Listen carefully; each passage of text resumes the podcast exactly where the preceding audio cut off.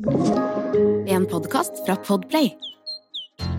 Grøntpodden, for deg som er helt grønn.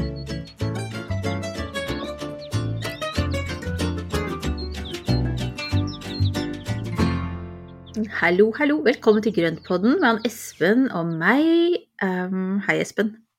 Hei Marianne, nå er vi i gang igjen, og i dag så har vi en litt sånn gøyal episode. Jeg syns det er så gøy med spørsmål, jeg. Ja, du skal, få, du skal få ha det kjempegøy, faktisk. Ja. Vi har masse spørsmål. Ja. Vi har, eh, for å si det sånn, i denne spørretimen så det, blir det veldig mye ulike temaer. Vi Mm. er fra eh, juleroser til eh, hagedammer og alt derimellom. Ja. Ja. Så nå skal du virkelig få kjørt deg. Du har som vanlig ikke fått forberede deg.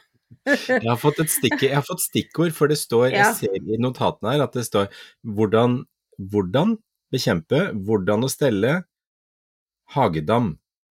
Ja. Ja, altså det er veldig korte, korte Ja, det er veldig korte, korte Det er veldig forvirrende for deg, fordi at jeg har tatt sånn skjermdump på mobilen fra Instagram. Også, så jeg skal ta og lese opp derfra, for jeg skjønner at jeg orker ikke å vi er, veldig, vi er veldig avanserte. Jeg føler at vi er ganske avanserte teknisk her, altså, så det er bra. Ja. Men du, før vi starter opp, men er det alt bra hos deg? Er det bra med deg? Alt er bra hos meg. Altså, dette er jo den beste årstiden. Eller altså, mm. for å si sånn, dette er den beste halvdelen av året. Jeg elsker jo Altså, jeg elsker jo fra første følelsen av vår til egentlig begynt å bli veldig glad i høsten nå, men ikke si det til den. For vi har litt sånn hat-kjærlighetsforhold. Plutselig så blir den liksom svrang ute i sånn slutten av oktober, begynnelsen av november. Da er det ikke noe gøy lenger. Men fram til det så er også høsten veldig fin. Så jeg har det Mm. kjempebra. Jeg driver og stusjer, stusler ute, si. det var et nytt ord, stusler. Pusler og steller ute. Eh, holder på masse i kjøkkenhagen. Eh, og det eneste som hindrer meg, er altså pollen. For nå Ja. nå har den tydeligvis kommet, den som Jeg har ikke giddet å sjekke hva som er i lufta akkurat nå, men den, den setter i hvert fall uh, spenner bein på meg, for jeg blir jo så trøtt hele tiden. Jeg sovner jo Ja. titt og ofte. Ja. Du kan finne meg på en sofa i nærheten av et eller annet. Så du blir stående hengende over hagespaden og sove?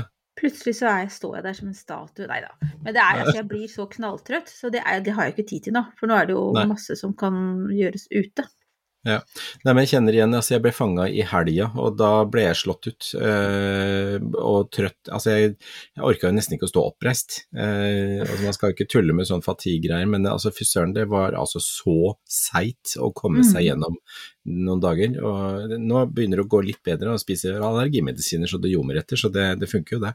Mm. Men, eh, men det, jeg skjønner ikke helt hva det er nå, for furua er veldig ille her. Den er sånn seigt gult belegg overalt, for det er veldig mye furu i nærheten, men den reagerer man jo normalt ikke på. Nei. Så det er jo ikke noe sånn allergi eh, Etter hva jeg vet, så er ikke den så, så veldig sånn allergifremkallende. Men, eh, men, men. Noe er det. Men eh, Et eller det går lufta. over. Ja, ja, ja. Og Mm. hurra for piller og alt mulig sånn. Det, det, men Men det er liksom denne sesongen der jeg egentlig mest behov for solbriller, og da heller må ta av meg linsen og gå med briller. Og det er nå Mm. jeg angrer på at jeg også sa nei til eh, optikerens tilbud om at jeg skulle ha sånne briller som ble brune når du var ute. For de hadde jo ikke trengt noe. Ja. Nei da, de det skal jeg jeg jo- ikke ha, sa jeg. Nei, ikke sant. Det var noe særlig, liksom. Men det er jo 100 år siden jeg har sett den løsningen, for jeg har ikke tenkt på det i det hele tatt. Angrer, angrer, angrer, Men de slår jo tilbake, altså når du da går ut igjen, så tar det jo litt tid, nei inn igjen mener jeg, så tar det litt tid før de blir eh, lyse Å ja! igjen. Å ja. Så Nei, så fint, det er fint. Takk. Bare si det, altså, ja, for jeg, Ja. tror- jeg tror det er lurt å ikke ha det. takk. Da kan vi lande den. Nei da, men eh, men, men vi har jo konkludert begge to med at vi er sommerblomster, så det er jo en fin tid for oss begge nå, eller for mange av oss. Så jeg tipper at eh, mange av dere som hører på nå også er eh, litt ekstra ivrige nå.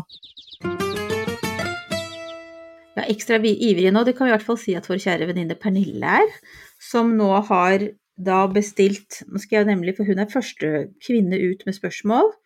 har sendt ikke bare én melding, men eh, veldig mange.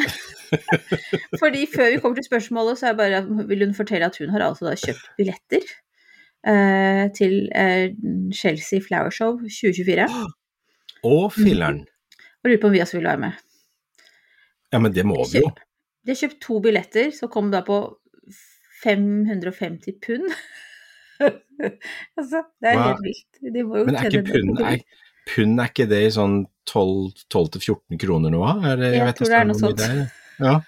Ja. Dægger'n smette, det er dyrt, altså. Det er kjempedyrt.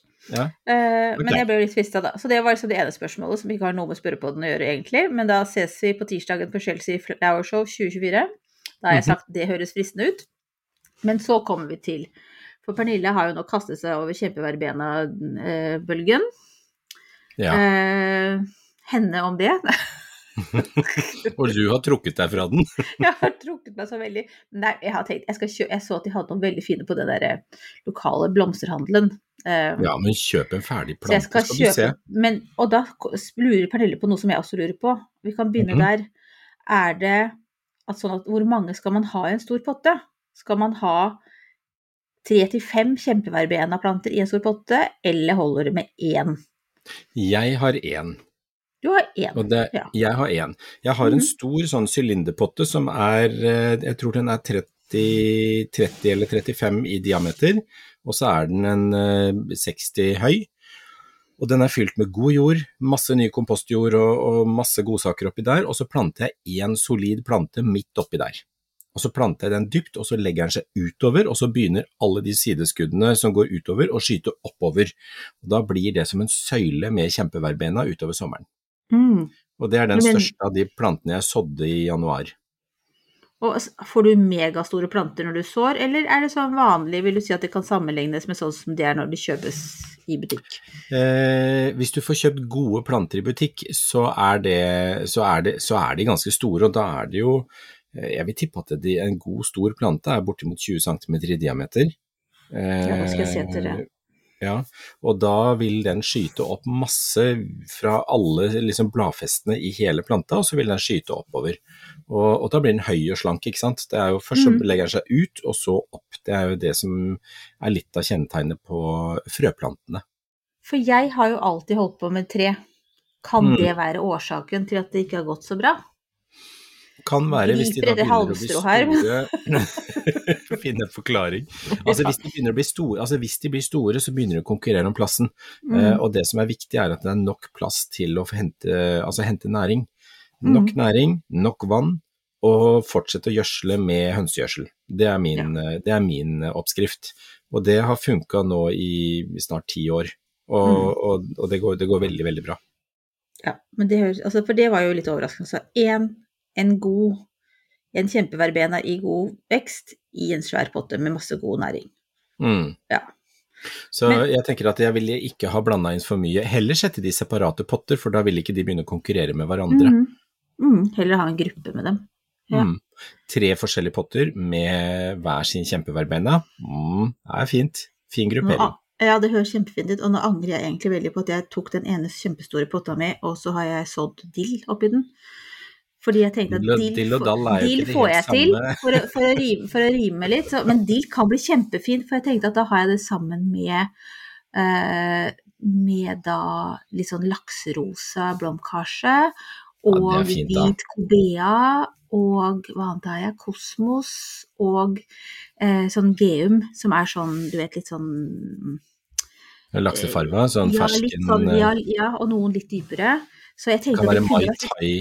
Mai Taien er jo veldig fin, for den er jo nesten fylt, og så har den den derre gylne, gylne, fine fargen. Mm. Så jeg Mm. tenkte det kunne vært litt kult der med dill. Ja. Nå kjenner jeg at jeg kanskje skulle ha ditche dillfrøa og plante en kjempeverbena til. dill er fint, altså. Nei, det blir Og fint. Jeg må kjøpe meg en krukke også. til. Mye bedre løsning. Ja. Men Pernille er ikke ferdig der, nå skal jeg være litt kjapp på, altså.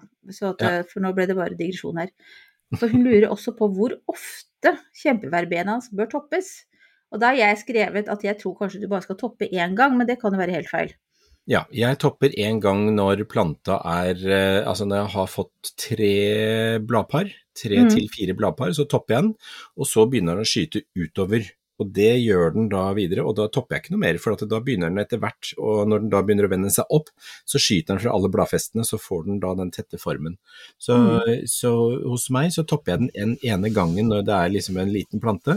Når du kjøper en ferdig plante, så vil jeg ikke ha toppa den, for at da er den normalt en god, solid plante med mange skudd på.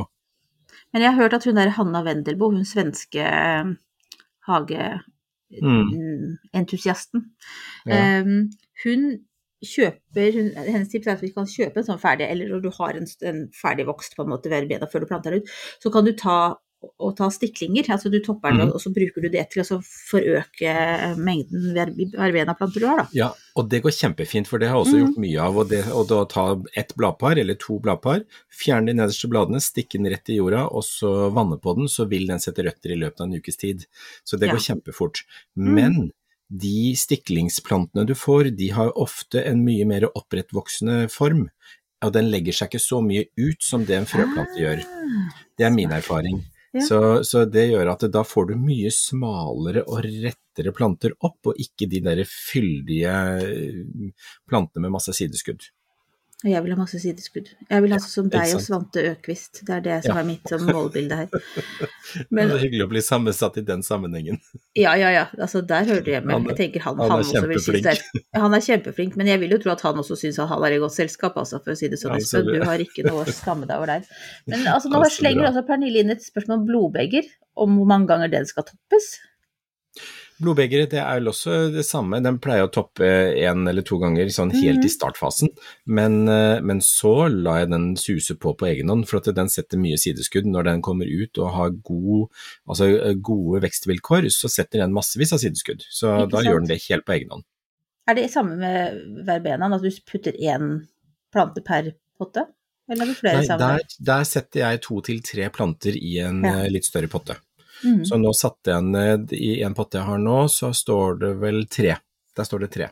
Okay. Men jeg hadde jo trips på mine, da, sånn at jeg, fikk, jeg har jo hatt tripsangrep her hjemme, og Ja. driver nå og går gjennom huset og jager de ut, og, de, og kverker og hiver en hel haug med planter. Mm. Eh, og eh, planterommet mitt med alle frøplantene var jo også trips, jeg har jo da liksom både spylt og rensa og fiksa, og eh, blodbegeret var en av de som var angrepet, så de klippte jeg faktisk helt ned. Eh, så jeg hadde igjen bare liksom to bladpar. Etter at Ja. de var blitt store og fine, så klippte jeg de helt Mm. ned, kasta det blad, bladverket som jeg klippte av, og så vaska jeg alt sammen som var igjen med grønnsåpe for å komme til alle kroker og kriker. Mm. Satt i drivhus, eh, potta om i større potter, og eh, nå så er den i farta. Nå Ja, kommer den.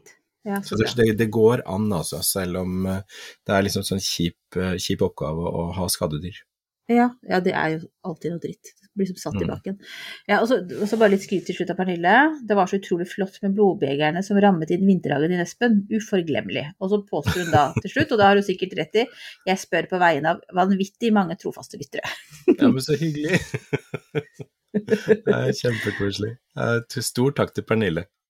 Ja. Og for de som ikke husker det, eller har fått med seg det, Pernille er vår gode venninne som da også har eh, bidratt. Det er hun som har tatt bilde av oss på, på coveret vårt, og hun har hjulpet med flere andre bilder, og hun har hjulpet hjalp oss altså, uvurderlig på hagemessa. Så Ja. det var, eh, ja, så bare så for å sette henne i sammenheng med hvor hun er. Ja. Jeg holdt på å si at hun har vårt skjulte våpen, det ble veldig feil, men hun er jo altså en skatt. Vi er veldig glad for at vi Vår skjulte supermann, kan jeg si. Eller superkvinne. Ja. vår super, skjulte superkraft er Pernille. Ja, superkraft Ja. er bra. Ja. Men nå skal vi la Pernille få lov til å kose seg med kjempeverbenaene, mens vi fortsetter til Nina. Eh, nei, vent ja, vi venter litt med Nina, for her har jeg putta inn Kjersti. Nå ble jeg helt forvirra Ja. sjøl også, men skal vi se. Var det grunn til at jeg gjorde sånn? Jo, det var det kanskje. Jo, for her er det noe helt annet. Hva var det jeg tenkte. Um, og Kjersti har altså da en situasjon der hun i forbindelse med um, strukturarbeid i hagen, og det skal Mhm. bygges støttemurer, tjo og hei, så må hun flytte på flere busker og Ja. trær. Og så lurer hun på hvordan hun skal behandle dem uh, liksom best mulig i denne perioden, da. For å stresse de Mm. så lite som mulig. Skal hun Ja. sette dem i halvskygge, litt store potter? Jordslå dem i en annen jord... Står det? Jordslå? Jeg trenger altså faktisk lesebriller ja, på linsene. Jordslå de et annet sted i hagen. eller andre forslag. Hun er redd for at det skal, eh, dette skal ta knekken da, på de fine plantene hun har. Mm. Og det skjønner jeg veldig godt, for dette her er jo litt sånn om, altså, om å gjøre og ta vare på de underveis i en sånn prosess, er ikke alltid like lett. Eh, det som er med, altså Hvis man sier større trær er litt vanskeligere, for da må man kutte ganske mye og, og, og sørge for at, eh, at, man får med seg mest mulig rotklump. Eller det gjelder alltid, få med så mye rotklump som mulig. Eh, kutte røttene, men det som er lurt å gjøre når man kutter røtter, er også å kutte krona kutt topp, altså rot og topp henger alltid sammen, ikke sant. Mm. Hvis vi kutter røttene, så vil det være mindre røtter til å ivareta all bladmassen. Så da bør man klippe tilbake bladmassen, eh, slik at ikke det ikke er så mye fordampning. Eh, mm. Som at det står i forhold til røttene. Når man da har kutta tilbake bladene, gravd opp, flytta på nytt sted, så kan det enten være rotslåing i et, i et bed, eller, altså ventebed, eller i store krukker. Da er det mye lettere å sette de tilbake igjen på plass. Eh, og halvskygge og godt med vanning etterpå. Mm. Sånn at de da får nok fuktighet til å liksom få reetablert en del røtter, slik at de kan ta vare på bladmassen. Eh, også ideelt sett for uh, altså oppgraving og flytting og sånne ting er jo ikke nå på våren. Det er jo da i, uh, altså i disse jazzmånedene som vi har snakket om, for at da er bladverket utvokst. Det er, det er mer stabilitet i, altså i, celleveggene på bladene og, og stilkene er mer, mm. mer altså hardere og tåler mer.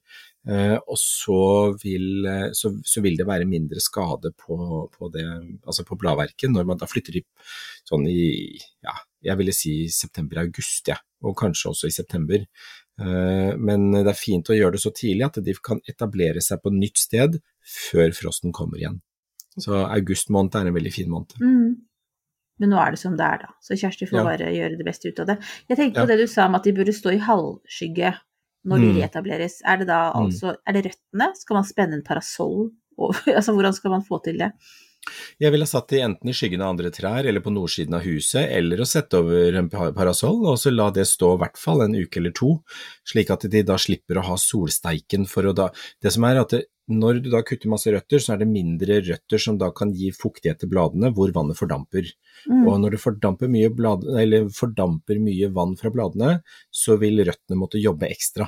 Så hvis mm. man da kutter bort en del blader, setter den i halvskygge og kanskje i le for vind, så vil da planta måtte jobbe mindre med å etablere nye røtter for å ivareta dette her. Men det her er altså i venteperioden, det er ikke etter når du skal plante dem ut igjen? Nei, nei, nei. nei, nei. dette er når du graver de opp og ja. venteperioden. Mm. Uh, til de da er, er liksom, liksom, har etablert seg på nytt sted, og så kan de plantes ut senere. Uh, og de, hvis de står i store, gode potter, så vil ikke, da vil ikke rotklumpen bli så forstyrret som når du kutter røttene. For da vil du bare løfte den opp og så sette den ned i en ny plantegrop. Så da vil det mm. ikke være noe problem. Nei. Okay, så Derfor så ville jeg nesten ha anbefalt store, gode krukker, og håpe på at det da blir plantet på nytt nå i år før eh, høsten kommer. Og da kan man plante mm. helt fram til eh, september-oktober. Ja. Mm. ja. men, da, ja. Nei, men da, det var jeg føler jeg at eh, de plantene er i gode hender. Da er det hun Nina ja. som har et spørsmål til dere hageguruer. Tusen takk, Nina, for at jeg får lov til å være med på den betegnelsen. Det er veldig hyggelig. Nå har jeg det skriftlig òg, vet du, Espen. Ser sånn det står ja. der. Skal vi se. Nei. Jeg har laget mange småplanter av buksbomhekken vår. Det var veldig vanskelig plutselig å si det. Buksbomhekken. Ja, så bra. Um, det er gøy. Også, ja, er det ikke litt morsomt å gjøre det for et prosjekt? Jo, det er gøy å lage nye planter. Det, ja. det er kjempebra. Veldig bra. Det heier vi på. Ja, absolutt. Veldig smart. Natur, altså miljøvennlig og økonomisk og, og et gøy prosjekt. Mm. Men det hun lurer på da er, hvis jeg vil la de vokse til å lage kuler, skal jeg da plante flere sammen i en potte, eller holder det med én og én i en potte? Oi, det er litt avhengig av hvor stor kula skal være, tenker jeg. Eh, hvis du skal ha bare sånne småkuler, så kan jeg tenke meg at det kanskje én eller to. Eh, skal du ha større kuler, så ville jeg satt flere sammen i en større potte. Mm. For da sparer du også litt tid. Men ikke sett de for tett, for da vil de begynne å konkurrere med hverandre om næringa igjen. Dette med røtter som skal ha litt plass til å boltre seg. Eh, så jeg ville sånn i en potte på ja, kanskje 20 cm, så ville jeg satt tre. Tre småplanter, okay. og så ville jeg latt den få lov å jobbe seg opp og bli en kule spennende. Og det er veldig blir vi nysgjerrig på å se utviklingen av det prosjektet her. Ja, Send oss gjerne bilder, for det er Mm. veldig gøy hvis du har eh, bilder og sånn, og tagg oss hvis du deler i stories eller noe sånne ting, fordi det er veldig gøy å kunne dele videre. Så Mm. veldig, veldig gjerne. Nå skal vi da videre til Ida Beth, Mhm. som eh, Skal vi se, nå må jeg bare, bare lese litt. Nei, handler om inneplanter, rett og slett. Uh, hvilke inneplanter kan man ha utendørs om sommeren? Og hun syns da, altså utgangspunktet er hun syns fryktelig synd på sine inneplanter, for jeg tror ikke de har fått lov til å komme så mye ut før. Så hun er litt eh, ny på det her.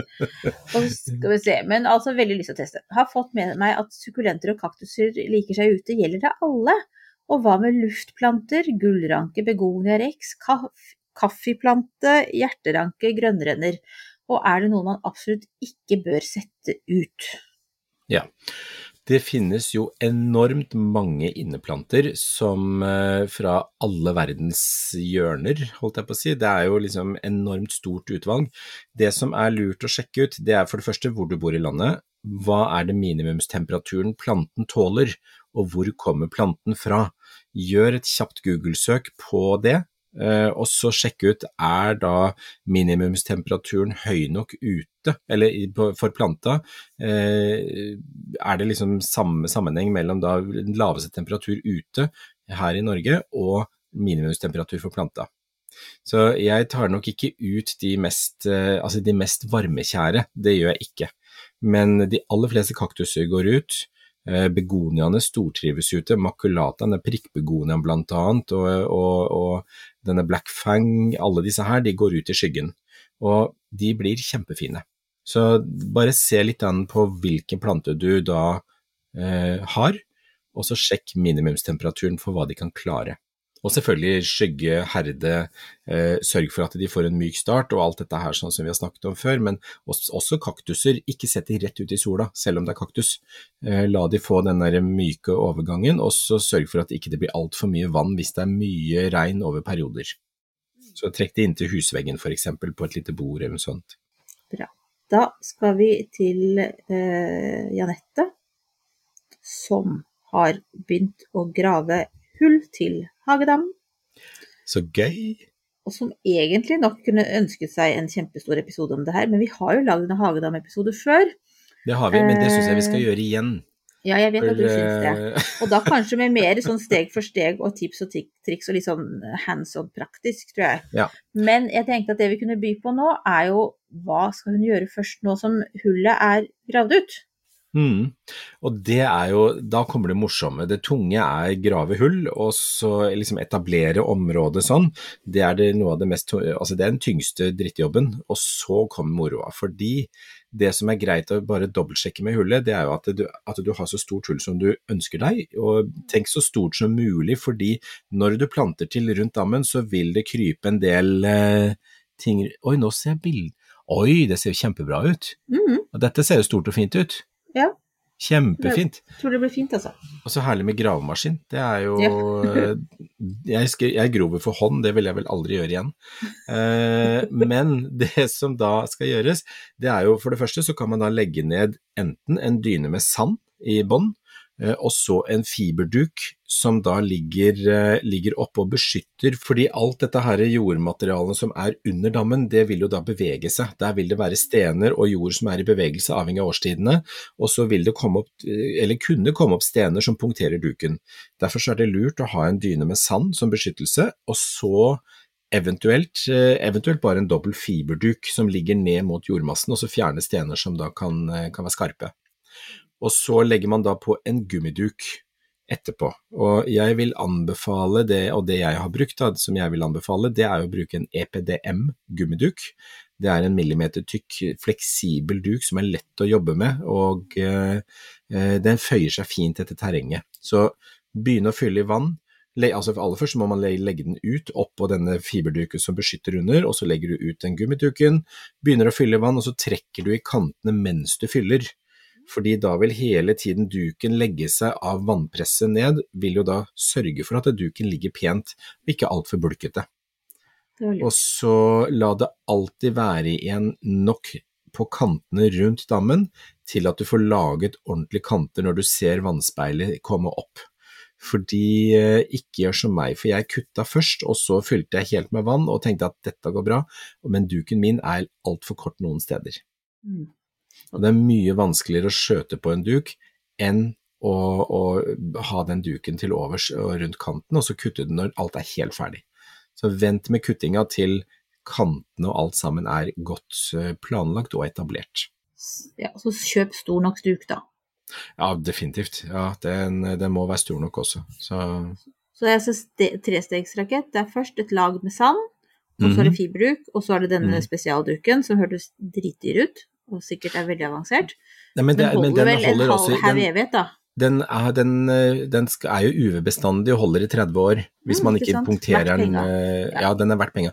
Og det som er, altså, det å investere i duk er kanskje noe av det viktigste man gjør, mm. fordi duken, når, etter hvert som dammen etablerer seg, så er det duken som skal holde på dette her. I det øyeblikket duken punkterer, så er det nesten umulig, om ikke, altså det er ikke umulig, men det er veldig vanskelig da å få reparert den. Mm. Eh, fordi man vet ikke helt hvor vannet forsvinner ut, osv. Så, videre. så Ja, så alt, duk. kan skiftes ut. Ja. Ja. Så det, er også skriver jeg bare si det også, det står også at det var en del berg der, men, at det skal, men det er greit med litt grunne partier, òg, da kan man jo ha litt variasjon i hvordan det ser Ja. ut. Kan man også, men man skal ha duk overalt. Duk kommer opp, for du, det er vanskelig, vanskelig å få skjøta den inn på fjell og sånne ting, og fjell det vil Mm. også lekke vann, for det er alltid sånne sprekker i fjell. Mm. Uh, her har jeg også en kombinasjon av jord og fjell, så jeg, og på fjellet så har jeg bare lagt på et dobbelt lag med fiberduk, ikke sand, men der ligger det bare fiberduk, sånn at jeg får litt av disse konturene fra fjellet eh, Mm. gjennom duken. Smart. Så bra. Men vi kommer tilbake med en ordentlig Hagedam-episode om ikke så Ja. lenge. Ja. Har du et enkeltpersonforetak eller en liten bedrift? Da er du sikkert lei av å høre meg snakke om hvor enkelt det er å levere skattemeldingen med fiken, så vi eh, gir oss her. Fordi vi liker enkelt. Fiken superenkelt regnskap. Sektoralarm presenterer Barn som lyver om nøkler. Jeg var ute og spilte fotball med gutta, da, og så la jeg nøkkelen i gresset, vet du, og så kom det en struts, da, eller en flamingo eller noe sånt, og bare tok nøkkelen, og så ble han borte, bare, nøklene og strutsen, eller spurven. Sikkert. Uansett, akkurat nå har Sektoralarm kampanje på boligalarm og dørlås med kode istedenfor nøkler, slik at barna alltid kommer hjem til en trygg bolig. Les mer på sektoralarm.no.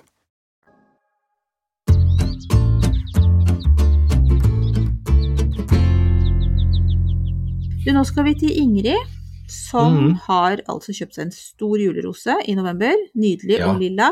Og den sto ute og blomstra i en potte, og nå har den begynt å blomstre litt igjen.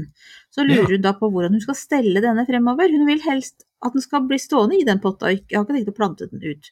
Og så lurer hun på hva staudens egentlige blomstringstid er. Hun bor i Bergen. Ja. Eh, jeg er litt skeptisk til å ha den stående i potte hele tiden, fordi da har begrenser den seg veldig i forhold til hvordan den kan vokse og utvikle seg og, og ha et langt og godt liv. Eh, selvfølgelig har du ikke noe annen mulighet, så, så må du gjøre det, men sett den da i så stor potte som overhodet mulig. Eh, og en, da en fin, god, muldrik jord som, liksom, som holder litt på fuktigheten. Eh, og, så, og så er det rett og slett vanlig Altså, syklusen jeg tipper at dette her er eh, den som heter eh, Helleborus eh, orientalis, som er, en, eh, som er en variant av julerosene, som da får blader etter blomstring, og da blomstrer den tidlig på våren, og, og sånn, så blomstrer den, kommer opp litt høyde, eh, så har den flere blomster på hver stilk. Eh, og så, når blomstene da faller, faller sammen, så vil den komme med blader, og de står ut på høsten og gjennom gjerne vinteren, og så kommer den igjen med nye, på, nei, nye blomster på neste vår. Eh, og da vil jo de bladene som da står over, de vil vel også være med på å beskytte de eh, altså knoppene som ligger latent i, eh, i vekstpunktet. Så, så det, er, eh, det er egentlig syklusen til den, og den liker jo da sol til halvskygge, jevn fuktighet, muldrik jord eh, som passer godt med næring, og at den ikke blir stående is rundt planta når frosten kommer. For det er jo det som ofte knekker de skuddene som da ligger klare for neste år, det er jo isdannelse som legger seg Mm. rundt skuddet. Eh, og det vil du fort få i potte. Ja. Så det som er viktig da, det er da når høsten kommer, eller når vinteren kommer, legg potta på sida, eller å dekke over med et lokk, sånn at ikke det fylles med fuktighet og is i potta.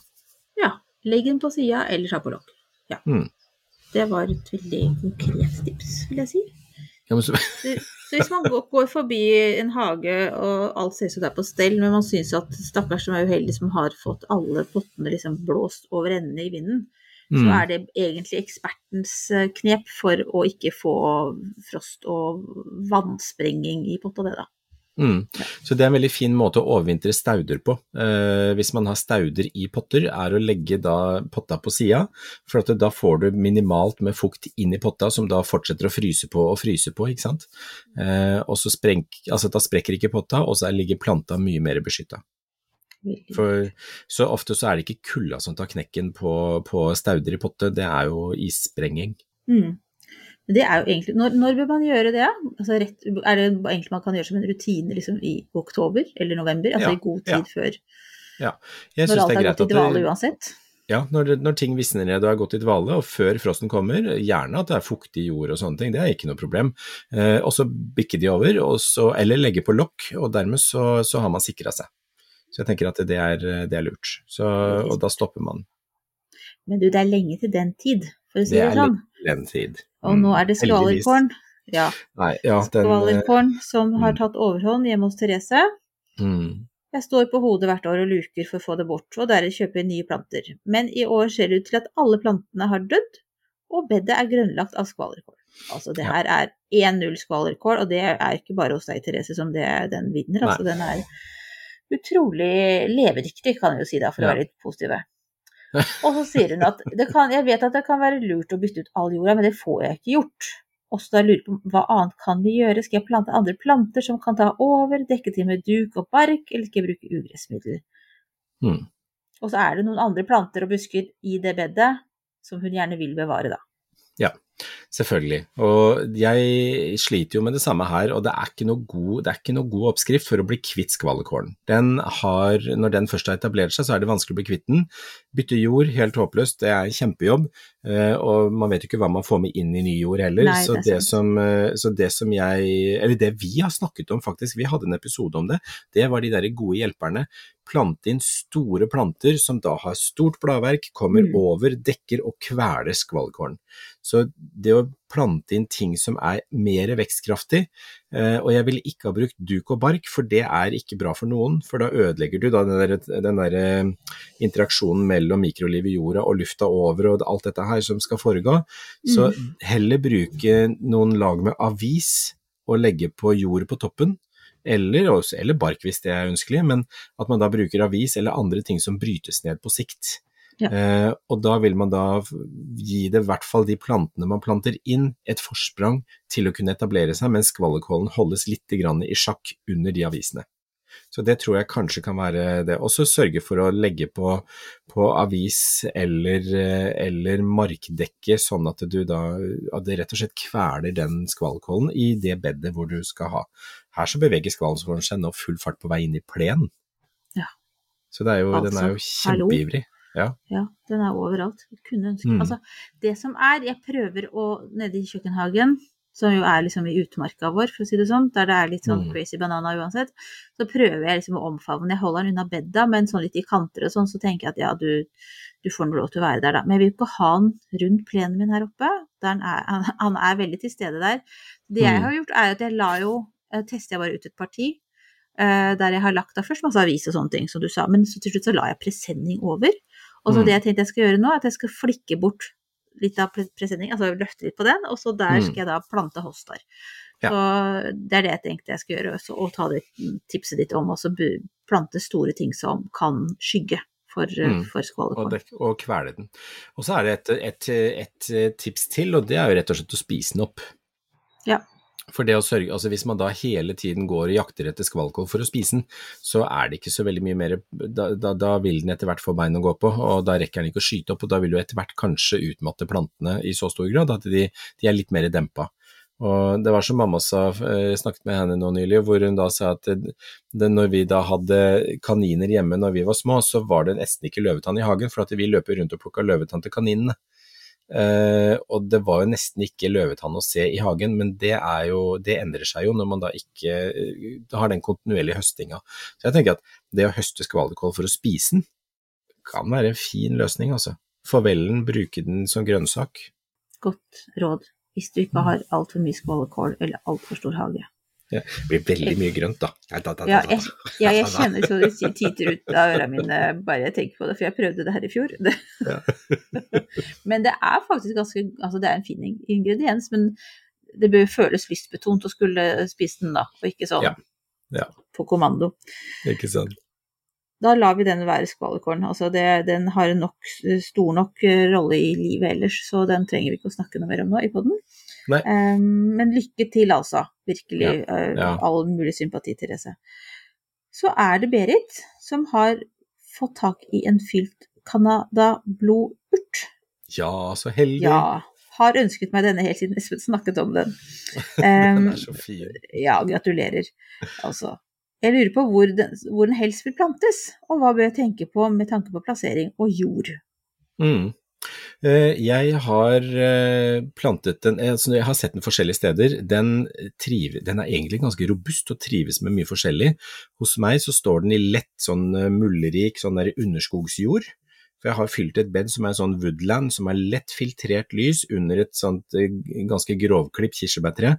Eh, og under der så er det da lett kompostjord som jeg har plantet den i, og der stortrives den. Den, den, den har den har dobla seg nå i løpet av bare kort, ja, to-tre år, så har, har, tua blitt kjempestor og fin. Eh, og der får den da godt med lys på våren når blomstene kommer og eh, bladene begynner å utvikle seg, og så blir det litt mer skygge litt senere. Eh, men hjemme hos mine foreldre så står den i et stenbed hvor den da har ganske god jord der også, men der har den sol sånn fra morgen til formiddag. Eh, så halvskygge, delvis skygge, er fint. Eh, og så vil den da fortsette å utvikle seg. Og så en, en, kompis som hadde den for noen år siden, som da, da sto den jo på i et steinbed, veldig grunt, og jeg tenkte at det var litt sånn rart for den, men den ble også kjempestor. Så den tåler ganske mye, altså. Fleksibel. Så, ja. ja. så det eneste som jeg vil si der, altså sørg for at det er en relativt veldrenert jord, at ikke det blir stående fuktighet i jorda. Det er nok kanskje det viktigste. Eh, men ellers så klarer den seg veldig, veldig godt. Og bare glede seg. Den er så fin. Ja, ja. Det, det er så hyggelig da, at liksom noen som blir inspirert av hva du forteller om. Det er gøy. Ja, det er veldig gøy. Jeg blir så glad for sånt, jeg. Ja, forstår det. Nå skal jeg lese neste spørsmål, hvis jeg bare ikke har trykka den helt bort på mobilen min. Ja, der har vi hele. Jo, det er Victoria Marie som har Altså, dette spørsmålet sympatiserer jeg veldig med. jeg har en pose tulipanløk som ikke kom i jorda i høst, og som har ligget ute på balkongen gjennom hele vinteren og fremdeles ligger der. Løkene ser sunne og friske ut, men er de frosset i hjel? Kan man prøve å sette dem i høst likevel? Og skal jeg gjøre noe med dem, eller kan de fremdeles ligge ute i lyset? Hvis de er friske og fine og fast i fisken, så mm. ville jeg ha planta de egentlig ganske kjapt. Ja. For hvis de skal bli liggende ute i sommer hvor de tørker og, og mister fuktighet og, og, sånne ting, så tenker jeg at det er, det er, kanskje, det er kanskje, dødsdommen for de. Hvis de, hvis de, har klart seg gjennom, eh, klart seg gjennom vinteren, så tenker jeg at da er det det beste er også å få de, få de ned i bakken. Men jeg mm. ville ha planta de nå. Så rett og slett bare hakka de ned, satsa på at det går bra, og kryssa fingrene. Og jeg syns også, altså det, du har ikke noe å tape, tenker jeg. Prøv. Nei, det er ingenting å tape. Så plant de ned og se om det går, og så, og så bare husk på hvor du planter de, så ikke du hakker ned på samme gruppa når eh, høsten kommer og du skal sette ned nye løk. For det har jeg prøvd meg på. Jeg hakka i stykker noen løk på at jeg glemte hvor jeg satte de første. Mm. Det er ikke så rart, for sånn du har fryktelig mange løk, Espen, så det, det kan ja, det jeg forstå at kan skje. Men jeg er litt som et ekorn der, sant, som går og samler og putter ting overalt. Mm. Samme gjør jeg med løkene, og det er, det er, veldig fort at man hakker ned der hvor man allerede har planta. Så vær litt forsiktig og merk det, sett med en liten merkelapp eller et eller annet sånt. Mm. Men du, kan jeg da, før vi skal kom, avslutte snart her nå, kan jeg bare komme med en liten oppfølging til dette med disse tulipanløkene? Mm. Fordi nå har jo jeg tatt, nå har jo de blomstra ned og bladene og sånn har blitt slappe på de som jeg hadde stående i krukker her ute. Og så har jeg jo da tatt, nappa de opp, Ja. og så mm, har jeg eh, revitalisert jorda, Espen, og planta ja, andre ting oppi der. Men nå Ja. lurer jeg på, skal jeg da skal jeg liksom klippe av det grønne opp, stappe disse løkene i jorda allerede nå, eller skal bør de få en hvileperiode? Altså, det som skjer etter at du har tatt opp løkene, altså det grønne, det sørger for næring tilbake i løken. Så ikke klipp av det grønne før det er vissent. Det er viktig at den eh, løken får lov å hente tilbake all kraft og all næring som er i bladverket før det klippes av. Eh, og det man kan gjøre, eh, som, som jeg ofte gjør, hvis jeg, skal, hvis, altså hvis jeg skal ha bort tulipanene og sette inn noe nytt der hvor de har stått, så napper jeg de opp og så setter jeg de bare i jord i en bøtte med hull i bunn, som jeg da setter i skyggen et eller annet sted, så der setter jeg den bort i nærheten av komposten. Og så står de løkene der, og så står de og får visne ned med løken i jord Ja. utover sommeren. Og når da de er helt visna ned, så klipper jeg av bladverket, og så planter jeg ut de løkene. For da kan de like gjerne stå nede i bakken i jord, som å ligge tørt noe sted. Ja. Mm. Bra. Men da, da vet vi det. Mm. Eh, For I naturen vet du, så er det jo ingen Ja. løk som hopper opp etter blomstring, og så ligger den og Nei, er venter tenker på, oppå på. bakken. Og Som- så, det er liksom ikke naturlig for noen. så det er egentlig ingen grunn til at man bare skal plante løk eh, om høsten. Nei, altså det er jo da de er i sesong, og så er det jo også Ja. noe med at planter du, plantes de på høsten, så, så, er, så har man sikra at ikke de plutselig finner på å blomstre på våren eller på sommeren. Så, mens også de som har blomstra nå, de vil ha en naturlig hvileperiode som da kommer til å vare over eh, høsten og over vinteren. Bra. Du, nå er vi faktisk ferdige. Ja. Men vi har en liten oppfølging, for husker du at det var altså et spørsmål av Stine Mikael, som for noen Var det forrige gang? Nå husker jeg ikke helt, ja. men i hvert fall. Det var da Egletropetkongen. Du husker så klart det Å ja, spørsmålet der. sånn. ja, så hyggelig, ja. og som da lurte på eh, at de hadde kommet, fått knopper allerede nå. Og husker Ja. du det? Det var sånn, vi Ja. var litt sånn krisestemning her.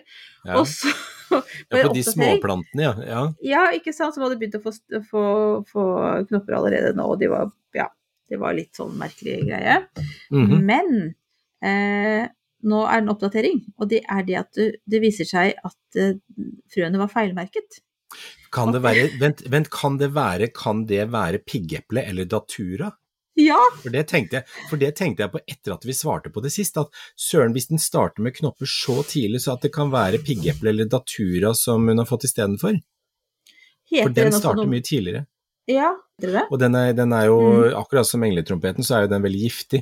Uh, men den er ettårig, uh, og Ja. er en, en mer en, en sånn eh, Det er ikke en plante som man tar vare på år etter år, men de er utrolig fine, lukter Ja. kjempegodt. Og finnes ofte i en hvit med litt sånn lilla skjær i, som er veldig Mm. fin. Mm. Eh, men den ble, det, det blir også kalt for piggeeple. For det tenkte jeg, ja, det er morsomt at, du, at, du, at den tilbakemeldingen kom, for jeg tenkte på det nå etter den eh, episoden, eller etter at vi hadde svart på det, at det kunne være piggeeple. Og eh, så bra. Ja. Men det skjer jo noen ganger, for at det er så engletrompeten, eller brugmansian som den heter, den er jo ikke i blomst før den kommer opp til et, det første Y, altså før den, hovedstilken deler seg. Det er liksom første muligheten for, eh, for en blomst. Det samme ser man jo egentlig på, på, på, på, fysalis, for de som har dyrka det. Fordi at fysalisen er jo, det er jo solanum, engletrompeten er solanum, det er jo solanum hele, hele greia. Uh, og der har du også den ene blomsten som da kan minne om en liten trompet, det er jo uh, fysalisblomsten, og da deler hovedstilken seg i to, og så begynner, det- så begynner blomstringa. Det er liksom første greia. Morsomt. Morsomt. Snakk om å gå fra himmel til helvete, var kommentaren her. Men det var jo godt å finne ut av det, da. Det, ja, bra. Men det som er viktig å tenke på der, det er at altså, den vil jo antageligvis eh, sette en sånn klubbe med piggete, det er derfor den heter piggeple, for at det, frøkapselen er helt sånn piggete, og når den åpner seg, så kommer det ut frø. De frøene er veldig giftige. Så bare vær obs på det hvis, hvis de drysser ned og rundt og blir med noe sted, eller hvis det er noe dyr eller barn i nærheten, så er det veldig greit å være obs på det. Ja. Eventuelt bare klippe av den eh, frøkapselen. Eh, Det er ikke normalt at man putter blomster og blader og sånn i munnen, men, men akkurat frøene der kan jo være litt mer interessante for noen. Mm, Bra. Men du, der avrunder vi spørretimen med, med det. Jeg syns det var veldig fint at vi fikk en oppdatering på hva som egentlig hadde skjedd. Ja, kjempebra. Det er veldig, veldig bra.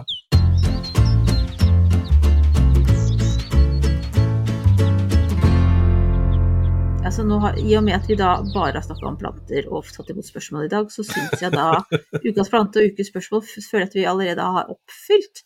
Rett Ja, og men det har vi, vi har jo dekka det ganske greit, og nå har vi holdt på en stund også, så jeg tenker at det, jeg tipper at det er ganske ålreit.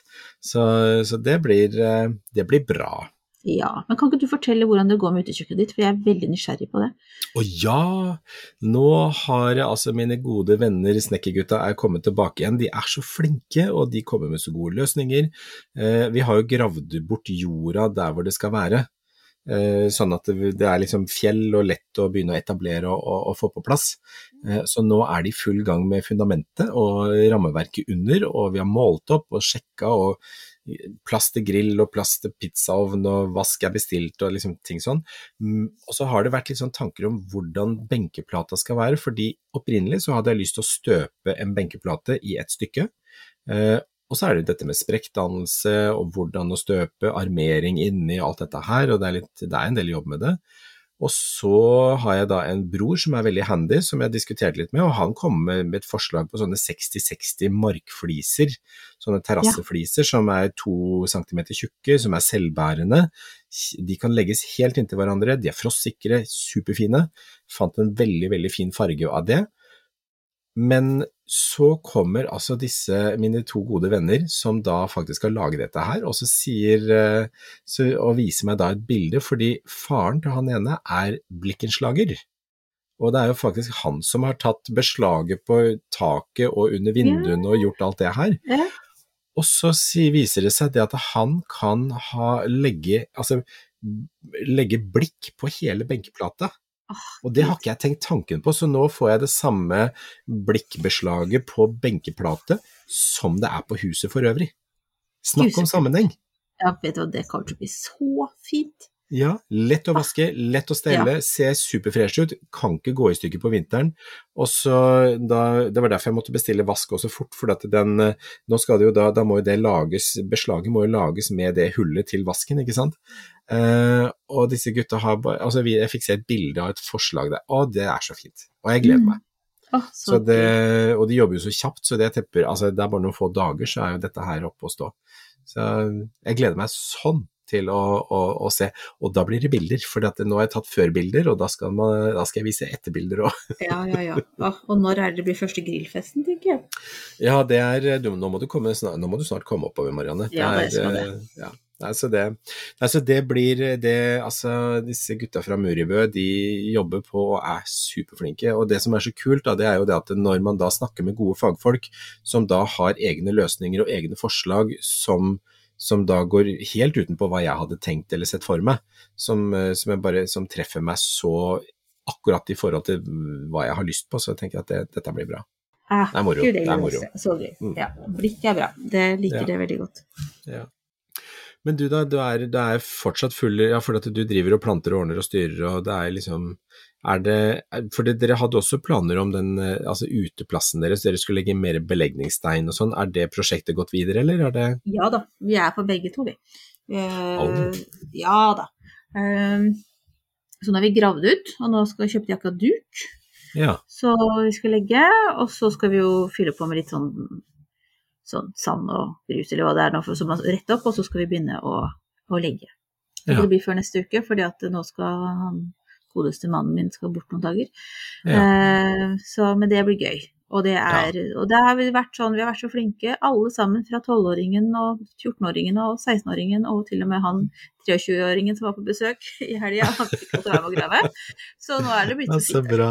Ja, så fint. det blir et skikkelig familieprosjekt. Og det er litt gøy. altså det, De syns jo det er drittkjedelig, de har jo egentlig ikke så veldig lyst, men så kommer de ut der, og så er det liksom litt hyggelig likevel å bidra. Og så får jo alle Mm. et forhold til den uteplassen etterpå. Det å være med oss og, og jobbe sammen og ha bidratt med noe, er fantastisk. Det er sant, men det er hyggelig å gjøre ting sammen også. Jeg tenker det er eh, Og det er jo Altså én ting er sånn grovarbeid og sånne ting, men det er jo noe vi har snakket om før også. Det å få med ungene ut og dyrke, holde, holde på i hagen og få liksom litt, litt grønt inn, inn i fingrene, det er det er kjempeviktig, altså. Ja. Det er liksom få de så- verdiene inn. Ja, vi, det er kjempeviktig, og det er ikke noe sånn, selv om jeg holder på i hagen, så er det ikke noe naturlig at de gjør det av seg selv. Man må invitere dem litt Mm. Ja. Eh, Så i går så hadde da eh, jeg overlot alle eh, solsikkefrøene til eh, Alva, yngstemann. Mm. Ja. Og sa at nå skal du få lov til å lage årets solsikkebed. Så det gjorde vi i går. Det var rette linjer og orden, og det var schwung overalt. Jeg er veldig spent på hvordan det blir. Håper det blir stor suksess, for det var liksom fra sånn, hva er det, sånn de oppunder to meter og ned til de litt korte, da. Som er Ja. skal komme på sommerslapp sånn altså, en vinkel ned da er målet, da. Det blir jo spennende å se hvordan det blir. Men eh, det var ja, gøy. Det blir kjempegøy. Ja. Ja. så morsomt. Ja, det er, det er gøy, men, men jeg tenker at det å da, når de opplever at det skjer Solsikker er jo en veldig takknemlig blomst å holde på med, for den kommer fort, vokser mye, blir fin og er liksom grei. Og det, det er jo liksom noe med å, å oppleve den mestringen som jeg tenker at også trigger kanskje det å eh, hos ungene til å gjø- ha lyst til å gjøre det igjen. For når de, ser at det, altså når de ser hvor fint det blir, eller når de ser at de kan høste ting av det, så, så, så tror jeg det kanskje er med på å ja, få dem til å ville være med på mer. Mm, tror det. Det er så moro. Det er kjempebra. Nei, men så bra. Ja, men da skjer det ting både her og både der. Både her og der. Mm. Um, neste uke. Ja. Igjen så tenker jeg at vi eh, Altså, jeg er litt frista til å ha en, en, en dameepisode ganske kjapt. Ja, men, det kan vi gjøre. Vi, vi kan gjøre det, men vi, la oss tenke oss litt om sånn på kammerset, om det er noe annet som kan være enda mer aktuelt Mm. i denne perioden her, i og med at vi nå prøver å legge opp de episodene så at de skal være så relevante som mulig for dere som hører på. Ja. Uh, men det kan bli dam, det kan bli noe annet. Ja. Sorry. Det var veldig sånn, veldig, Veldig flummigt, som de sier på svensk. ja, veldig flummete. Men det som det kan også godt hende at vi da kanskje, som jeg tenker litt på, dette her med beplantning rundt dam. Hva kan man plante i våtsoner? Fordi selv om man ikke har dam, så kan det hende at man har en bekk, eller at man har et fuktig område på tomta. Ja. Kanskje det er noe, at man da sier at eh, vi hoster opp kanskje 15 planter som egner seg i fuktig område. Du, der har vi den. Det gjør vi. Da er det en av oss som skal hoste opp, og det andre skal, som skal lære. Det blir bra. Kjempefint, men tusen hjertelig takk for at dere henger med, og takk for i dag alle sammen, og snakkes vi veldig snart. Ha det bra. Ha det bra.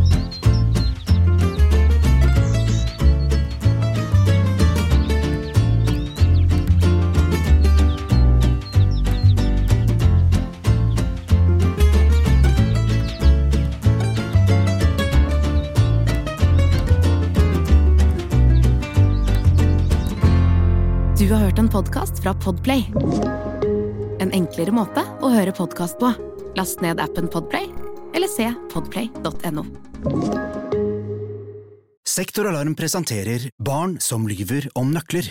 Men mamma, jeg var jo bare ute med Emma, ikke sant? og så la jeg nøklene mine sammen med den brødskiva på den stubben, ikke sant? og så kommer det en rev, og den bare spiser både brødskiva og nøklene, og så sprang den bare sånn kjempefort rett bortover. Jeg klarer ikke å løpe etter, jeg kan ikke løpe etter en rev, liksom. Kan ikke det. Akkurat nå har Sektoralarm kampanje på boligalarm og dørlås med kode istedenfor nøkler, slik at barna alltid kommer hjem til en trygg bolig. Les mer på sektoralarm.no.